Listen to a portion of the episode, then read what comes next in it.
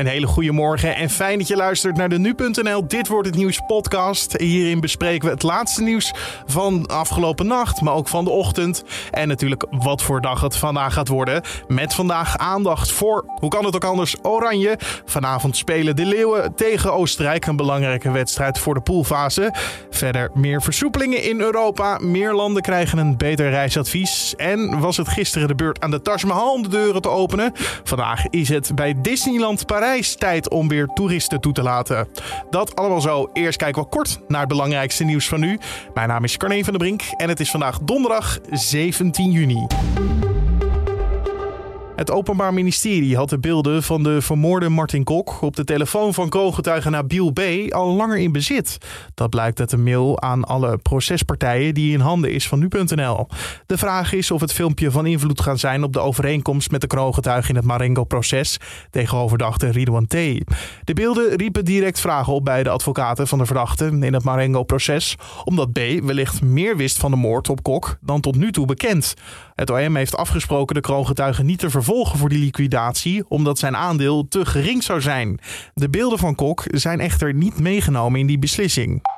Een stranddag eindigt met vechtpartijen. Want op het strand van Zandvoort zijn gisteravond grote vechtpartijen uitgebroken. Drie mensen raakten hierbij gewond en er is één iemand aangehouden. Zo kreeg een vrouw een fles tegen haar hoofd. Dat meldt NA Nieuws. De politie heeft uiteindelijk ongeveer 150 strandgangers weggestuurd. Ook in Noordwijk zou het onrustig zijn geweest. China heeft vannacht succesvol drie ruimtevaarders de ruimte ingelanceerd. De drie gaan de eerste bemanning vormen van het gloednieuwe Chinese ruimtestation. 3, 2, 1. Ignition. And liftoff. Just spectacular. The Chinese Space Station. Het is voor het eerst sinds 2016 dat China astronauten de ruimte inbrengt. Ze zullen drie maanden in het ruimtestation verblijven. En hun belangrijkste taak is dan om te verifiëren of alle systemen goed werken. Ze zullen ook twee ruimtewandelingen maken. En er werd gisteravond weer gespeeld op het EK, want in Rome speelden Italië en Zwitserland tegen elkaar. Italië won met 3-0. Hierdoor is Italië het eerste land wat de achtste finales heeft bereikt. Verder speelden Finland Rusland tegen elkaar en dat werd 0-1. Turkije is uitgeschakeld nadat ze met 0-2 verloren van Wales. En dan werpen we een blik op de agenda van vandaag. Wat voor dag zal het gaan worden? Nou, spektakel in groep C van het EK. Ook al ligt nog alles open. Vanavond stijgt de oranje koorts weer een paar graden. Want het Nederlands elftal neemt de top tegen Oostenrijk in de Johan Cruijff Arena. Zowel Oranje als Oostenrijk hebben na één wedstrijd gespeeld drie punten. Dus deze wedstrijd gaat gewoon om die van de leiding in de groep tot nu toe dan. Samen met EK-verslaggever Riepke Bakker blikken we even vooruit op de pot. En al voordat er een minuut gespeeld is, was er al wat te doen om de tegenstander. Oostenrijk moet namelijk Marco Arnautovic missen. Is dat positief voor Oranje? Nou, Frank de Boer die zei: uh, ik, uh, het is goed nieuws voor ons.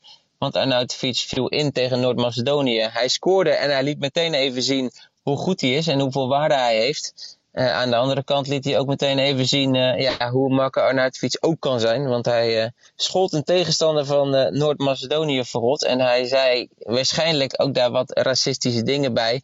Ja, en dat is voor UEFA aanleiding geweest om hem, om hem te schorsen. Ja, zo kennen we Arnautovic ook. Hij heeft ruzie gemaakt in het verleden met de bondscoach van Oostenrijk. Met ploeggenoten van, van Oostenrijk.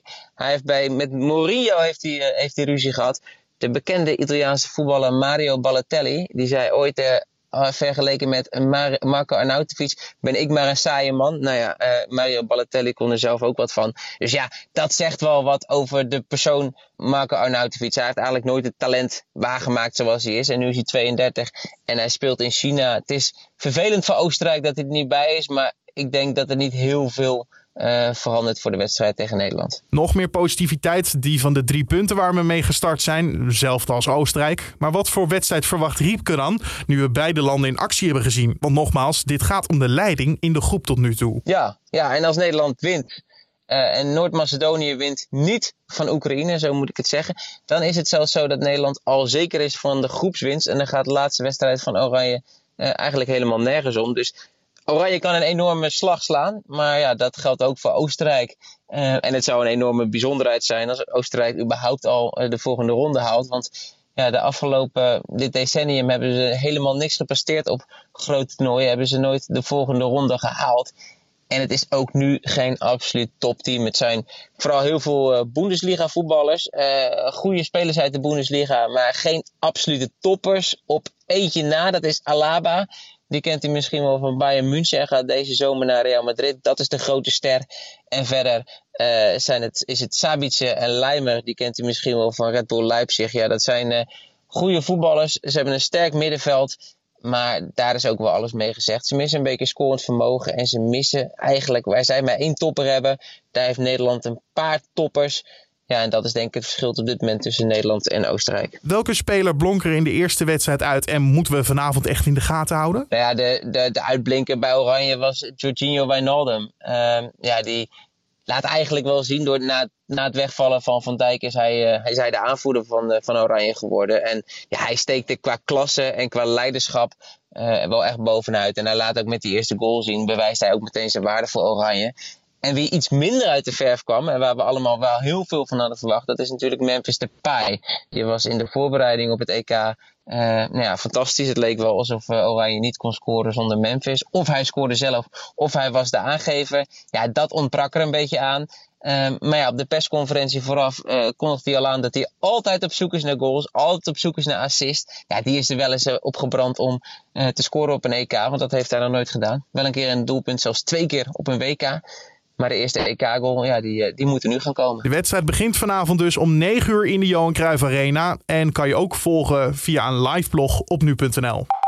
En voor de kleurenbingo kan je weer de wereldkaart erbij pakken. Meer landen springen namelijk van oranje reisadvies naar geel. Het gaat om Cyprus, Kroatië, Liechtenstein, Zwitserland en de Griekse eilanden Rodos en Kos. Door het gele reisadvies wordt reizen niet langer afgeraden naar die landen. Wel gelden er nog veiligheidsrisico's. Bij terugkomst hoef je geen negatieve test meer laten zien en hoef je ook niet meer in quarantaine. Verder schieten er ook een aantal landen naar groen. Dat zijn IJsland, Polen en Roemenië. Uiteraard kan een situatie snel veranderen en kunnen de adviezen daarop aangepast worden. Ook moet je als reiziger rekening mee houden dat er soms wel inreisbeperkingen zijn voor reizigers vanuit Nederland.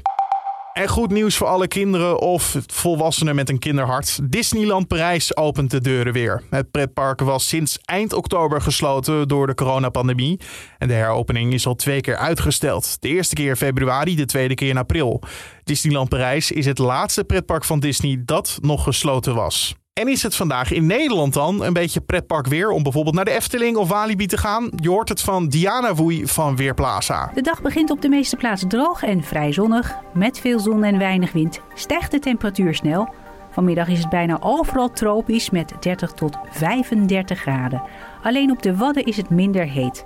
De lucht is tamelijk vochtig, dus het voelt drukkend warm aan. Daardoor neemt later op de dag van het zuiden uit de kans op onweer toe. Dankjewel Diana Woei van Weerplaza. En tot zover deze Dit wordt het nieuws podcast voor de donderdag 17 juni. Je vindt ons in de ochtend en middag op de voorpagina van nu.nl. In je favoriete podcast app ook, zoals een Spotify. En je kan je gratis abonneren. Kost helemaal niks. En zo staat hij elke dag voor je klaar. Wel zo makkelijk. Uh, verder kan je ons helpen met feedback. Laat een recensie achter bij Apple Podcast. Of je kan een mailtje sturen naar podcast.nu.nl. Podcast.nu.nl. Mijn naam is Carne van der Brink. Een hele mooie dag. Vergeet niet te smeren vandaag. En tot de volgende podcast.